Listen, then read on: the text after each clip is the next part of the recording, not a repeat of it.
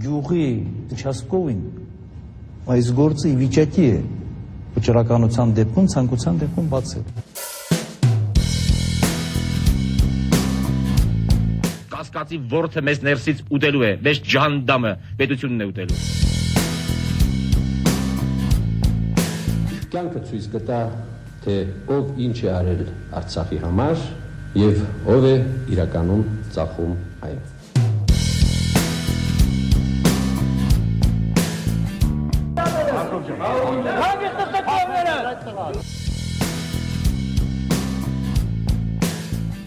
Ձեզ այնքան կծեց են դալաններում, որ դուք կարտագաղթեք։ Նորագույն պատմություն։ Երրորդ հանրապետությունն ազատության աչքերով։ Յուրաքանչյուր ամսվա վերջին շաբաթ օրը։ Ես չեմ ուզում դառնալ նախագահ։ Ես չեմ ուզում դառնալ ազգային ժողովի նախագահ։ Ես չեմ ուզում դառնալ վարչապետ։ Ես ուզում եմ մնալ պաշտպանության նախարար։ 1999 թվականի հունվարի վերջին հանրապետական կուսակցության համագումարում հնչեցրած այս հայտարարությունից 4 ամիս անց Վազգեն Սարգսյանն նշանակվեց Հայաստանի վարչապետ։ Հանրապետական կուսակցության 5-րդ համագումարում պաշտպանության նախարարի հնչեցրած այս հայտարարության եւ նրա կառավարության ղեկավարի պաշտոնում նշանակման միջև տեղավորվեց հայաստանյան թերևս ամենաուշագրավ խորհրդարանական ընտրարշավերից մեկը։ Դրա ընթացքում իշխանության եւ ընդդիմության միջև ծավալվող դասական մրցակցությանը փոխարինելու էր եկել իշխանության երկու թևերի պաշտպանության նախարար Վազգեն Սարգսյանի եւ 98-ին նախագահի պաշտոնը զբաղեցրած Ռոբերտ Քոչարյանի եւ նրա դաշնակիցների միջև ծավալված պայքարը։ Ես երբեք Ռոբերտ Քոչարյանին դեմ դուրս չեմ գալու։ Հույսները կտրեք։ Որքան էլ Վազգեն Սարգսյանն 99-ի սկզբում կրկներ, թե Քոչարյանի դեմ պայքարն իր քաղաքական ծրագրերում տեղ չունի, այդ ժամանակահատվածում արդեն իսկ ակնհայտ էր իշխանությունը երկփեղկված է եւ դրան նախագահական թևն անում է հնարավորը երկրորդ գումարման ազգային ժողովում Վազգեն Սարգսյանին հավատարիմ մեծամասնության ձևավորումը կանխելու համար։ Իշխանության նախագահական թևի կորիզը կազմում էին նախկինում Լեռնային Ղարաբաղում պաշտոնավարած, ապա Հայաստան տեղափոխվածները Ռոբերտ Քոչարյանը եւ 96-ին ազգային անվտանգության եւ ներքին գործերի նախարարի պաշտոնը զբաղեցրած Սերժ Սարգսյանը։ Նկատեմ ի դեպ, որ 99-ի քարոզարշավին նախորդող ամիսների գլխավոր առանձնահատկություններից մեկը Հայաստանում քաղաքական սպանությունների առատությունն էր։ 98-ի դեկտեմբերին Չարենցի փողոցում գտնվող իր տան շքամուտքում սպանվեց պաշտպանության փոխնախարար Վահրամ Խորխորոնին, երկու ամիս չանցած ներքին գործերի եւ ազգային անվտանգության փոխնախարար Արծրուն Մարկարյանը, երկուսն էլ Վազգեն Սարգսյանի թիմակիցներ էին համարվում։ Նման իրավիճակում ընտրություններից ընդամենը մի քանի ամիս առաջ Վազգեն Սարգսյանը որոշեց սեփական կուսակցություն ստեղծել, ավելի ճիշտ իր թիմակիցների հետ անդամագրվել 95-ի ընտրություններում նախկին նախագահ Լևոն Տեր-Պետրոսյանի հետ դաշինքի շնորհիվ խորհրդարանական մի քանի մանդատ ձեռք բերած լուսանցքային քաղաքական ուժերից մեկին հանրապետական կուսակցությանը։ Հանրապետականն իհարկե նոր ձեռք բերված ուժային եւ վարչական ռեսուրսների շնորհիվ երկրորդ գումարման ազգային ժողովում կարող էր մեծամասնություն կազմել։ Վազգեն Սարգսյանի թիմին սակայն համոզիչ հաղթանակ էր անհրաժեշտ ուստի 99-ի տարեսկզբին նորահայտ հանրապետականների համար առաջնահերթ խնդիր դարձավ դաշինքը այնպիսի մի ուժի հետ, որ զուրկ լինելով վարչական ռեսուրսից կվայելեր ժողովրդական զանգվածների աջակցությունը։ Այստեղ էր, որ 99-ի նախընտրական արշավի թատերաբեմում հայտնվեց խորհրդային Հայաստանի նախկին ղեկավարը։ Կարեն Դեմիրճյան։ Զին խոստումներից հեռու նա երբեք չխոստացավ այն, ինչը չէր կարող անել։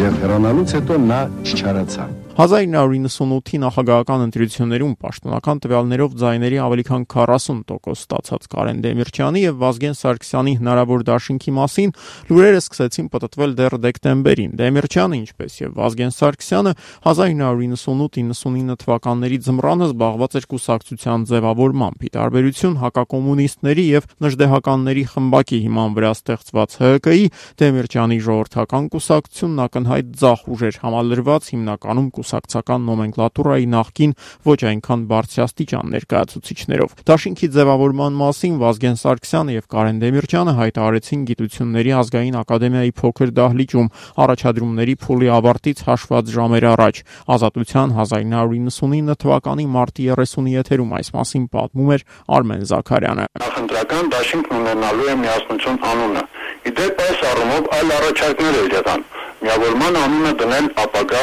ազգակառույց եւ այլն։ Սակայն եւ Ազգեն Սարգսյանը, եւ թե Կարեն Դեմիրճյանը առավելապես հակված էին, որպեսզի դաշինքը կոչվի միասնություն։ Դաշինքը ստեղծվում է ոչ մեկ քաղաքական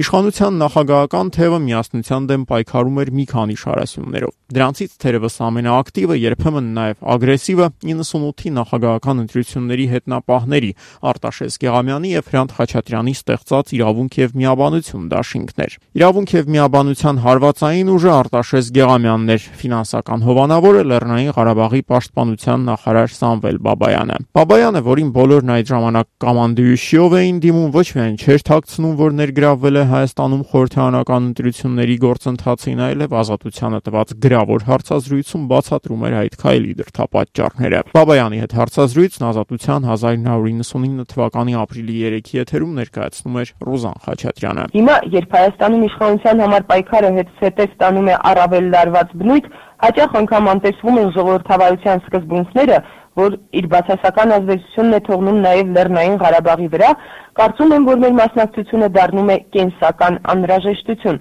Վերջի վերջո մենք Ղարաբաղցիներս գտնում ենք, որ Լեռնային Ղարաբաղը Հայաստանի բաղկացուցիչ մասն է։ Իդեպ Հայաստանի բարձրաստիճան պաշտոնյաներից մեկն ասել էր, թե Սամվել Բաբայանը լավ ձիու վրա չի դրել խաղագումարը։ Սրան ինչպես է վերաբերվում։ Պատասխանն այսպիսին է. Ես մի թուլություն ունեմ, սիրում եմ անպաշտպաններին, թույլերին ու տկարներին։ Իրավունք եւ միաբանության ղեկավարը մայիսի 12-ին Պրոշյան գյուղի ընտրողներին Սամվել Բաբայանի հետ դաշինքի ոչ պակաս ուշագրավ վարկած էր ներկայացնում։ Մի զանգ եղավ մետուն գիշերով Սամվել Բաբայանը, որին հերվից գիտեի։ Ասես Գեղամյան ջան, քանի արտարության համար կռիվ ես անում, քանի արտարության համար ամեն ինչը զոհաբերում ես մեջքիդ կանգնած եմ։ Լեռնային Ղարաբաղի ամենաազդեցիկ ուժայինի ներգրավումը Հայաստանի ներքաղաքական process-ներում արագորեն դարձավ նախընտրական արշավի թերևս ամենակննարկվող թեման։ Ազատության 1999 թվականի ապրիլի 6-ի եթերում մամուլի տեսությունը ներկայացնում էր Վաչե Սարգսյանը։ Սամվել Բաբայանը նույնպես որոշեց ակտիվորեն միջամտել Հայաստանի քաղաքականությանն ու նախընտրական պայքարին, բացահայտորեն հովանավորելով իրավունք եւ միաբանություն դաշինքը գրում է առավոտի խմբագիրը։ Իրավական տեսանկյունից կամ ԼՂՀ-ն առանձին պետություն է կամ էլ Հայաստանի անբաժանելի մաս է։ Եթե առանձին պետություն է եւ այդ պետության պաշտպանության նախարարի Հայաստանի քաղաքականությանը եւ ընտրապայքարին խառնվելը բնականon երևույթ է, ապա ասենք ԱՄՆ-ի կամ Ֆրանսիայի պաշտպանության նախարարները նույնպես մի օր կարող են որոշել, որ մենք բավականաչափ ժողովրդավար երկիր չենք եւ իրենց գումարներով մասնակցել մեր խորհրդանական ընտրություններին։ Իսկ եթե ԼՂՀ-ն Հայաստանի անբաժանելի մասն է, այդ դեպքում ստացվում է, որ Սամվել Բաբայանը Հայաստանի պաշտպանության նախարար Վազգեն Սարգսյանի ստորադասը լինելով հովանավորում է իր սեփական դաշինքը ընդդեմ Դեմիրճան Սարգսյան իշխանամետ դաշինքի։ Հին ընկերները չեն դավաճանում այս կարգախոսի ներքո Քարոզ Արշավի մեջ մտավ իրեն Ռոբերտ Քոչարյանի քաղաքական հենարան համարող դաշնակցությունը։ Կուսակցության համար սա խորհրդարանական ընտրություններին մասնակցության առաջին փորձն էր 80-ամյա ընդմիջումից հետո վերջին անգամ դաշնակցականները խորհրդարանի ընտրություններին մասնակցել էին 1919 թվականին առաջին հանրապետության օրոք։ 1995-ին առաջին գումարման ազգային ժողովի ընտրություններին դաշնակցությունը չմասնակցեց կասեցման պատճառով։ 4 տարի անց արդեն դաշնակցականներին որևէ մեկը չէր խոչընդոտում։ Ընտրարշավի ընթացքում նրանք խոստանում էին բարելավել երկրի սոցիալ-տնտեսական վիճակը, քաղաքացիներին երբեմն նույնիսկ կոչ էին անում ընտրակաշառք վերցնել այլ ուժերից, բայց ընտրել բացառապես դաշնակցությանն։ Այս մասին ընտրություններից մոտ 3 շաբաթ առաջ հայտարարեց Վահան Հովանիսյանը։ Դաշնակցականները նաև անverջ սպառնում էին դատի տալ առաջին նախագահ Լևոն Տեր-Պետրոսյանին կուսակցության հասցեին տարիներ առաջ հնչեցրած հայտարարությունների համար։ Լևոն Տեր-Պետրոսյանը Հայաստանի նախկին նախագահը ես կարծում եմ մյուս շաբաթ արդեն կկանչվի, այսինքն մյուս շաբաթ առնվազն մենք արդեն կդիմենք դատարան։ Հաջորդ շաբաթ նաև դրան հաջորդող մյուս շաբաթներին եւս դաշնակցականները դատարան այդպես էլ չդիմեցին իրենց հապաղումը, բացատրելով տեխնիկական խնդիրներով։ 99-ի գարնանը նախընտրական պայքարի մեջ մտավ ոչ այդ հանրությանը անհայտ մեկ այլ քաղաքական ուժ՝ արժանապատիվ ապագա կուսակցությունը։ Դրա ֆորմալ ղեկավարը սոցիոլոգ Լյուդմիլա Հարությունյանն էր, կուսակցության իրական առաջնորդն ու քաղաքական հովանավորն էր, սակայն վարչապետ Արմեն Դարփինյանը։ Իշխանության Ղարաբաղյան թևում թերևս հույս ունեին, որ արժան բնականապատիվ ապագայի հաջող ելույթ ընտրություններում կարող է դառնալ այն ծանրակշիռ պատրվակը, որ թույլ կտա Ռոբերտ Քոչարյանին վերանշանակել Արմեն Դարփինյանին վարչապետի պաշտոնում, փակելով Վազգեն Սարգսյանի ճանապարհը դեպի հանրապետության հրապարակ։ Քոչարյանն իդեպ նույնիսկ քվեարկության օրը չէր բացառում, որ ընտրություններից հետո կառավարության ղեկավարի փոփոխությունը կարող է եւ չլինել։ Համանadrությունը չի պարտադրում անպայման ունենալ նոր վարչապետ Ուրեմն ընտրություններից հետո միակ կնայենք ցածր ով է ընտրվել, ով չի ընտրվել։ Արժանապատիվ ապագան սակայն ազգային ժողովի ընտրություններում ընդամենը 35000 քվե ստացավ, ընդմիշտ թաղելով Դարփինյանի վերանշանակման հույսերը։ Ի տարբերություն արժանապատիվ ապագայի եւս մեկ նորաստեղծ քաղաքական ուժ օրինաց երկիրը 99-ի ընտրություններում կարողացավ հաջողության հասնել։ Մամուլում հայտնված հրապարակումների եւ քաղաքական շրջանակներում պատտվող համառ լուրերի համաձայն Արթուր Բաղդասարյանի եւ Կարծիք հաղորդաշարի հեղինակ Սերգո Երիցյանի ստեղծած այս կուսակցությունը վայելում էր իշխանության Ղարաբաղյան թևի առանցքային ներկայացուցիչներից մեկի Սերժ Սարգսյանի հովանավորությունը։ 99-ի ընտրություններին մասնակցում էին նաև այսպես կոչված ավանդական ընդդիմության ներկայացուցիչները, քաղաքական այն ուժերը, որ ընդդիմադիր գործունեություն ծավալել էին դեռ Լևոն Տեր-Պետրոսյանի նախագահության տարիներին։ Վազգեն Մանուկյանի ԱԺՄ-ի համար սրանք վերջին հաջողված ընտրություններն էին 2000-ականների սկզբին արդեն կուսակցությունն իր դասական տեսքով դադարեց գոյություն ունենալ։ ԱԺՄ-ից հեռացան առանցքային անդամներից մի քանիսը՝ Արշակ Սադոյանը, Շավարժ Քոչարյանը, Սեյրան Ավակյանը։ Հայ կոմունիստների համար 1999 թվականի խորհրդարանական ընտրությունները եւս վերջինը եղան, որոնց ընթացքում կուսակցությանը հաջողվեց զգալի թվով քվեներ ստանալ համամասնական ընտրակարգով երկրորդ անգամ անընդմեջ երկրորդ տեղը զբաղեցնելով։ Կոմունիստների ընտրարշավի կուլմինացիոն պահն ի դեպ պետք է դառնար Ռուսաստանի կոմկուսի առաջնորդ Գենադի Զյուգանովի ժամանումը Հայաստան։ Մեր գործընկերը մեզ շատ մտերիմ անձնավորություն կգա, միգուցե կմասնակցի որևէ միջոցառումների եւ իր խոսքը կասի ինձ թվում է իր ներկայությունը այս բանին իրենից արդեն կոչ է։ Ընդհանրապես Զուգանովը դրոշակ է։ Զուգանովը ոչ 99-ին, ոչ էլ հետագա ընտրարշավներին այդպես էլ Հայաստան չժամանեց, իսկ կոմունիստների այն ժամանակվա առաջնորդ Սերգեյ Բադալյանը ընտրություններից հետո լրագրողներին բացատրում էր, թե Զուգանովի այցի գաղափարից իրենք հրաժարվեցին, որպեսզի խուսափեն այլ երկրի քաղաքացիների կողմից հայաստանյան ընտրարշավին միջամտելու մեղադրանքներից։ Մայիսի 30-ին նշանակված ընտրություններից երկու շաբաթ 10 օր առաջ արդեն հստակ էր. Քարոզարշավի միանձնյա առաջատար հրատարը միասնություն դաշինքն է։ Կարեն Դեմիրճյանի եւ Վազգեն Սարգսյանի հանդիպումները ընտրողների հետ մշտապես անցնում էին նույն սցենարով, ընդհանուր մտնոլորտն էլ պատկերացնելու համար։ Լսենք մի հատված Հրաչ Մելքումյանի Ազատության 1999 թվականի մայիսի 24-ի եթերում հերարցակված ռեպորտաժից։ Համերգային համալիրի դիմաց մանկական խմբերը երգում ու ապարում էին։ Բարձր ձողերի վրայից ծվեն-ծվեն եղած հին դրոշները փոխվում էին նորերով իսկ երբ եկան Կարեն Դեմիրճյանն ու Վազգեն Սարգսյանը բարձրախոսներով նրանց դիմավորեցին ամենաանպագորգոր ողջուններով, արկղերի մեջ պահած աղերններին բաց թողեցին, Մարզը համերգային համալիրը կառուցվել է Կարեն Դեմիրճյանի օրոք եւ նրա քարոզարշավն սկսվեց դրանից։ Այն օրը, երբ այս շատրվանները սկսան գործել ու ջուրնել չի ցամաքի, այսօր իմացեք Հայաստանը վերացնել է։ Որովհետև որովհետև այնպես չի եւ գեղեցիկ կոթողը չասիպության պատճառով չորդանա։ Նախընտրական քարոզարշավից ժողովրդական լեզվով ասած նախտ օգտվողները մուրացկաններն են։ Ինչպես երևում է նրանք էլ են հետևում կուսակցությունների հայտարարություններին եւ գիտեն որտեղ եւ երբ են հանդիպումներ անցկացվելու։ Այստեղ մի մուրացկան էր շրջում, որին ավելի հաճախ մետրոյի բարեկամություն կայարանի մոտ են տեսնում։ Միասնության ողջ ընտրարշավի ընթացքում Կարեն Դեմիրճյանը եւ Վազգեն Սարգսյանը շրջում էին մարզերով։ Հանդիպումների ընթացքում Դեմիրճյանը սեփականաշնորհումը որակում էր որպես Ալան-Թալան, շատ հաճախ անցնելով ժողովրդի համար հասկանալի լեզվին սուպուս մենք գործան Հիմա որ ոսկե լերներ խոստանան, ինքան են խապել ձեզ, հիմա մարդ վախենում ան նույնիսկ են ռեալ իրականացվող ասի կմտածի, թե պես որ ասնեմ, կասեսեմ, ես ձևի ախրասում։ Վազգեն Սարգսյանը, որին ի դեպ Դեմիրճյանը նախընտրական հավաքների ժամանակ գրեթե բացառապես սպարապետով էր դիմում, քարոզարշավի ընթացքում կոչերանում ակտիվորեն մասնակցել ընտրություններին։ Խնդրում եմ, որ բոլորը մասնակցեք ընտրություններին, անկատի հայրանով, բարեկամով շատ կարևոր է սա։ Բոլորը մասնակցեք ընտրություններին։ Եթե բոլորը մասնակցեցիք, խափերը դժվար լինելու։ Իսկապես ճիշտ վարքիք են գալու պարլամենտ իսկապես ճիշտ քաղաքական ուժեր են գալու։ Դուք բրծուկները արանքի չեն հսկվելու։ Քարոզարշավի ողջ ընթացքում զգացվում էր, որ միասնության գլխավոր նպատակներից մեկը մասնակցության բարձր ցուցանիշի հասնելն ու ապագա խորհրդարանի անթերի լեգիտիմությունն ապահովելն է։ Ռոբերտ Քոչարյանը քարոզարշավին զուգահեռ մեծ ասուլիս հրավիրեց։ Նախընտրական արշավը ընդհանրապես մտնոլորտը բավարար են համարում չեմ նկատում դեռ փսիխոզի ինչ որ երևույթներ Այս ասուլիսը սակայն առավելապես հիշվեց ոչ թե Քոչարյանի հայտարարությունների, այլ Բաղրամյան 26 անպայմանորեն փողկապով ներկայանալու պահանջի պատճառով։ Կոստյում փողկապային հագուկապից հատկապես նեղված էին օպերատորները, իսկ մի օպերատոր ստիպված էր աշխատակազմը բարեկող հերթապահներից փոխարնել փողկապը։ Լրագրողներն սկզբում մուտքի դժվարություն ունեցան տաբատ կրելու պատճառով, իսկ մի մորուքավոր թղթակցի փորձեցին հորդորել սափրվել նոր գալ։ 1999-ի խորհրդարանական քարոզարշավի առանձնահատկություններից մեկը մեծամասնական ընտրատարածքների առատությունն էր։ Խորհրդանի 131 անդամներից 75-ը ընտրվում էին հենց այդ ընտրակարգով։ Այդ ընտրատարածքների շարքում առանձնանում էր նոյեմբերյան Նույջևանը ընդգրկող թիվ 75-ը։ Տավուշյան գլխավոր ինտրիգը ներքին գործերի նախկին նախարար Վանո Սիրադեղյանի առաջադրումն էր։ Սիրադեղյանը առաջադրվեց հերակա կարգով, քանի որ դեռ ձմռանը լքել էր Հայաստան Հայաստանը։ Սիրադեղյանը կասկածվում էր Արմեն Տեր-Սահակյանի զինված խմբին եւ դրա կողմից կատարված սպանություններին առնչություններ ունենալու մեջ։ Վանո Սիրադեղյանը արտերկրում անցկացրեց շուրջ կես տարի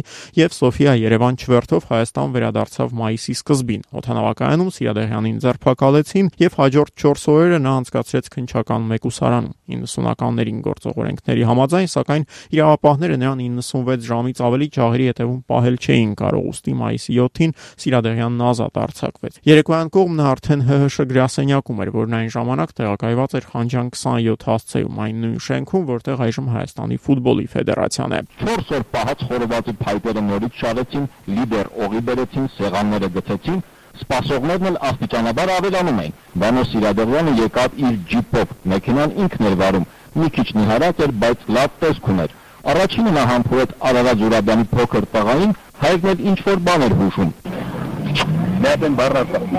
Նատասա Ռոբերտ Լինկը,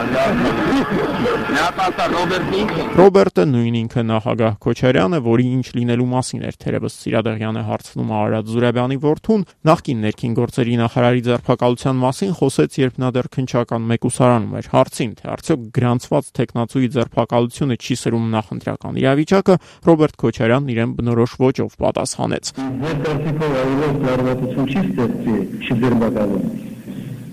ոնց որ Քրիստոսին են դիմավորում։ Տավուշի մարզում ծավալված ընտրարշավի ընթացքում Սիրադեղյանը հիմնականում խուսափում էր քաղաքական հայտարարություններից, գերադասելով անդրադառնալ նոեմբերյանի եւ Իջևանի գյուղերում տիրող սոցիալական վիճակին։ Իշխանություններն իրենց հերթին անում էին ամեն ինչ Վանո Սիրադեղյանի ընտրությունը թույլ չտալու համար։ Սիրադեղյանի ընտրությանը հակազդելու առաքելությունը դրված էր Սերժ Սարգսյանի ղեկավարած ազգային անվտանգության եւ ներքին գործերի նախարարության վրա։ Մամուլում հայտնված տեղեկությունների համաձայն Սիրադեղյանի ընտրությունը թույլ չտալուն ուղղված գործողությունները տեղում համակարգում էր Սերժ Սարգսյանի տեղակալներից մեկը Հովանես Հունանյանը։ Առաջ անցնելով ասեմ, որ այդ բոլոր ջանքերն ապարդյուն էին եւ Վանոս Սիրադեղյանը կարողացավ դառնալ նաեւ երկրորդ գումարման ազգային ժողովի падգամավոր։ Նրանց սпасելի սպասելի ողջունություն,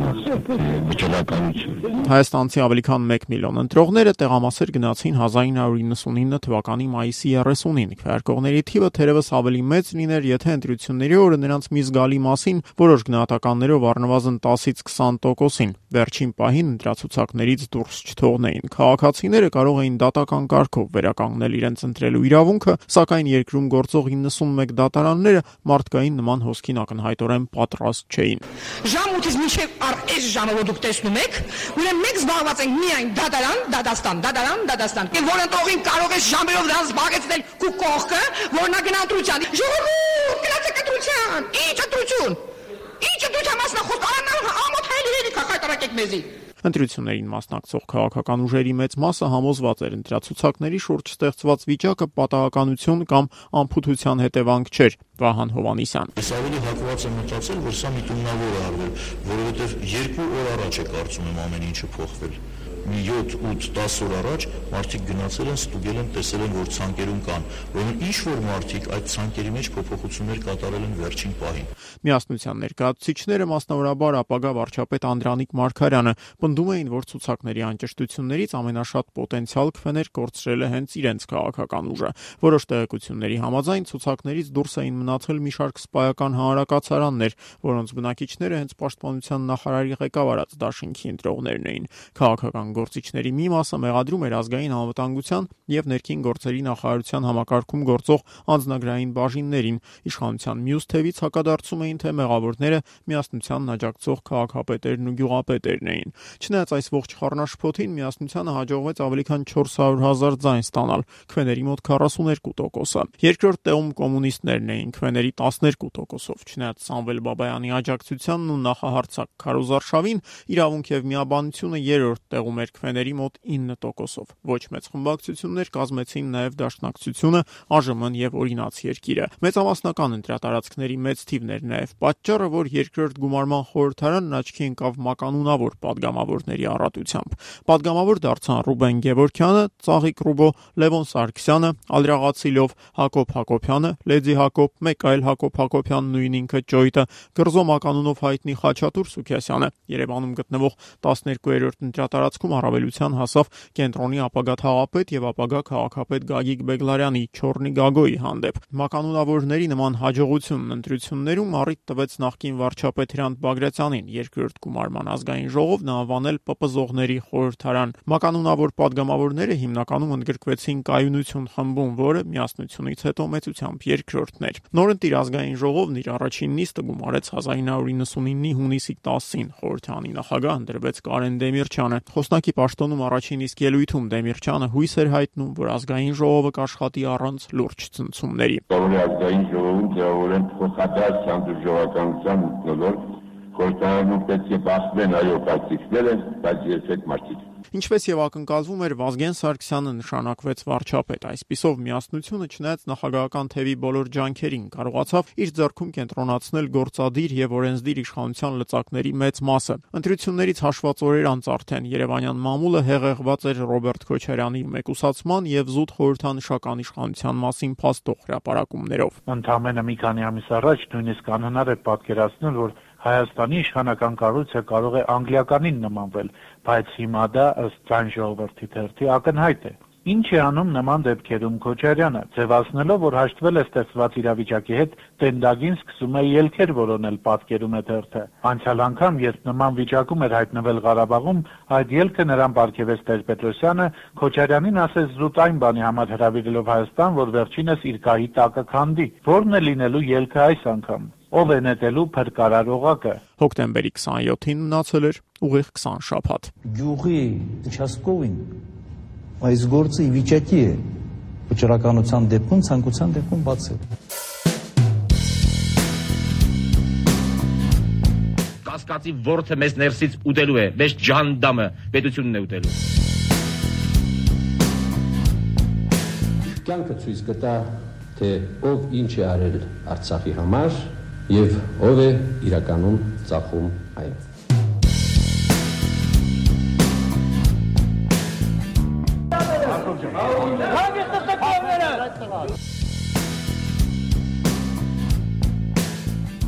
Ձեզ այնքան կծեց են դալաններում, որ դուք կարտագաղթեք։ Նորագույն պատմություն։ Երրորդ հանրապետությունն ազատության աչքերով։ Յուրաքանչյուր ամսվա վերջին շաբաթ օրը։